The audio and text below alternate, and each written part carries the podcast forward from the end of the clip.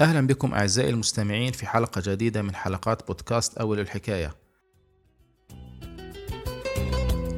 في هذه الحلقة سوف أتكلم عن موضوع شيق وجميل ويتعلق بملابس الجينز التي نرتديها يوميا. بداية نتكلم عن القماش الذي تصنع منه ملابس الجينز. وهو قماش ظهر في القرن السادس عشر ميلادي في مدينة جنوة الإيطالية ومصنوع من الصوف والكتان وقد حاول الفرنسيون تقليد هذا القماش لكنهم لم يتمكنوا من ذلك وطوروا نسيجا آخر يسمى كان يسمى ب serge de Nîmes لأنه كان يصنع في مدينة نيم الفرنسية وبعد ذلك تحول الاسم وأصبح معروفا بدونيم. كان الفرنسيون يسمون الجنود القادمين من مدينة جنوة جينز وكان هؤلاء الجنود يرتدون السراويل المصنوعة من هذا القماش لذلك أخذت هذه السراويل اسم جينز. في البداية كانت السراويل تأتي باللون الأزرق فقط لأن التركيبة التي يصنع منها هذا اللون تمنح السروال متانة أكبر ولذلك تعرف هذه السراويل باسم بلو جينز سأتكلم الآن عن كيف انتقل آه، انتقلت هذه السراويل إلى دول أخرى ومن أشهر الدول التي انتقلت إليها هذه السراويل هي الولايات المتحدة الأمريكية وكان يستعمل هذا القماش أساسا لصناعة ملابس العمل الخاصة برعاة البقر وعمال المناجم والسكك الحديدية والمزارعين الذين كانوا يحتاجون في الحقيقة إلى ملابس رخيصة الثمن وتدوم لفترة طويلة.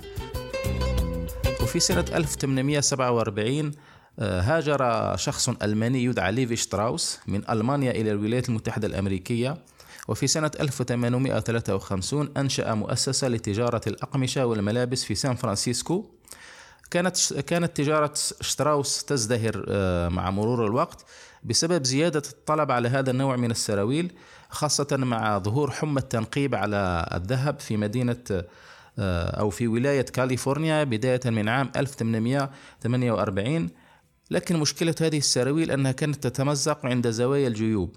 استمر ذلك إلى غاية عام 1872 عندما تلقى شتراوس رسالة من أحد الخياطين الذين كان يتعامل معهم هو خياط اسمه جاكوب ديفيز آه، أخبره فيها جاكوب عن طريقة تجعل السراويل متينة عند زوايا الجيوب وذلك بتركيب مسامير معدنية صغيرة في هذه الزوايا. لكن مشكلة جاكوب أنه لم يكن يملك المال الكافي للحصول على براءة الاختراع لذلك اقترح على ليفي شتراوس أن يدفع المبلغ المطلوب مقابل وضع اسمه على براءة الاختراع. وبالفعل حصلت مؤسسة ليفي شتراوس على براءة الاختراع يوم 20 ماي 1873 وهو التاريخ المعروف بتاريخ ميلاد ما يعرف باسم The Blue Jeans. أول تصميم للسراويل الجينز كان يحمل على يحتوي على جيب خلفي واحد وجيب صغير للساعة وحزام عريض وأزرار للحمالات.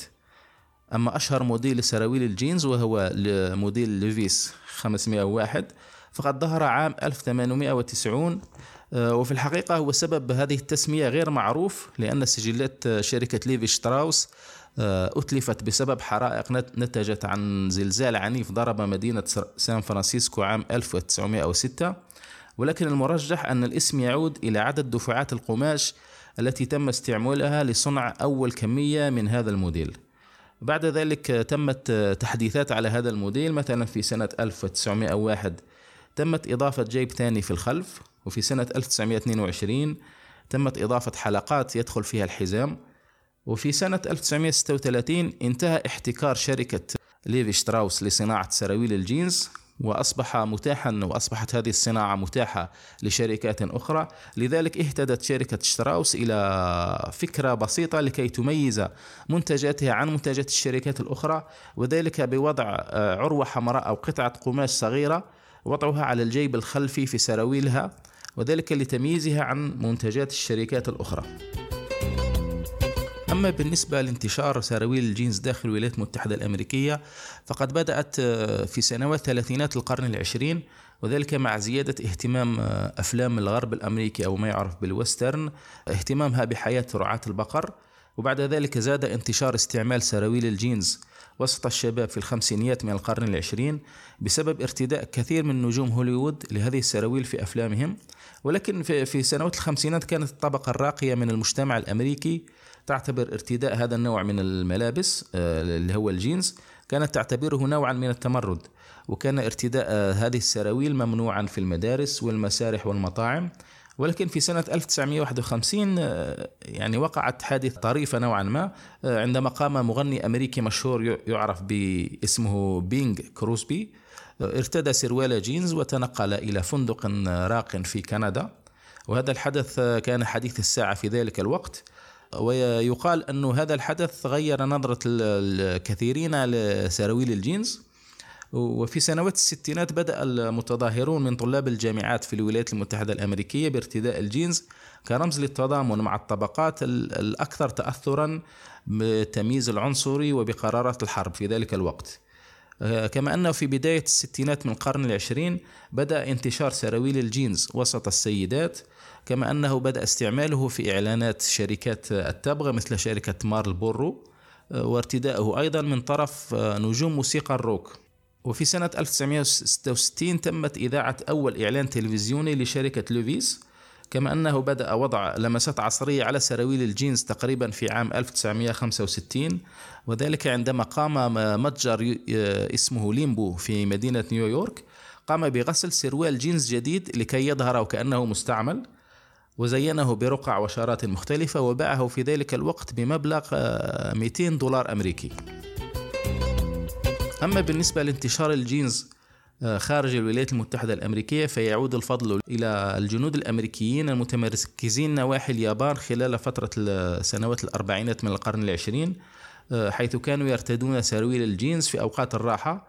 وبعد ذلك يعني منذ ذلك الوقت أصبحت ملابس الجينز يعني أقل ارتباطا بالعمل وأصبحت مرتبطة أكثر بملابس آه، أو بأوقات الفراغ. من بين العلماء الذين تحدثوا عن انتشار الجينز هناك عالم أو أستاذ أنثروبولوجيا بريطاني يدعى داني ميلر. ألف عام 2012 كتابا بعنوان Blue Jeans The Art of the Ordinary. وتضمن هذا الكتاب دراسة حول مدى استعمال الجينز في العالم. وزار خلال هذه الدراسة عددا من المدن مثل إسطنبول ريو دي جانيرو مانيلا سيول وسان فرانسيسكو. كان يقوم يعني بحركة طريفة جدا في لإجراء هذه الدراسة. كان يقف في أحد شوارع هذه المدن ويحسب أول مئة شخص يمرون أمامه ويحدد نسبة من يرتدون الجنس من بين هؤلاء المائة ووجد أن نسبة النسبة تتراوح بين 34 و 68% آه، هناك أيضا آه، قام طالب كندي يدعى جوشلي قام بدراسة لحساب جامعة البرتا الكندية. عندما ارتدى سروال جينز لمدة 15 شهرا متتالية من سبتمبر 2009 إلى ديسمبر 2010 من دون أن يغسله. يعني 15 شهرا ارتدى نفس السروال دون أن يغسله. بعد ذلك قام باختبار لمحتوى البكتيريا الموجود على السروال. وبعد ذلك أعاد اختبار محتوى البكتيريا بعد أسبوعين من غسل السروال. والنتيجة المفاجئة أن حجم المحتوى البكتيري آه، كان متقاربا في آه، يعني في الاختبارين. يعني وهذا توضح أنه متانة السراويل الجينز ومقاومتها للأوساخ هي من أهم الأمور التي تجعل هذه السراويل واسعة الانتشار في العالم. إلى هنا أكون قد وصلت إلى نهاية هذه الحلقة. أتمنى أن تكون قد أعجبتكم وأنكم استفدتم منها. يمكنكم مشاركتها مع من تحبون ومتابعة كل الحلقات على عنوان howitallbegan-broadcast.com مع التذكير أن هذه الحلقات تأتيكم برعاية استوديو تي وإلى اللقاء في حلقة جديدة إن شاء الله.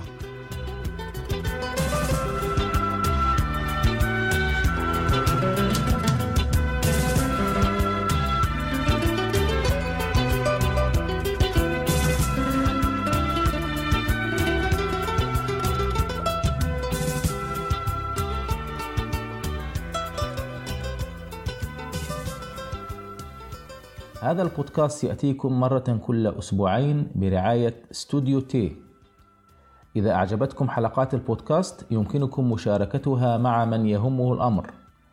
أو التواصل معنا على موقع howitallbeganpodcast.com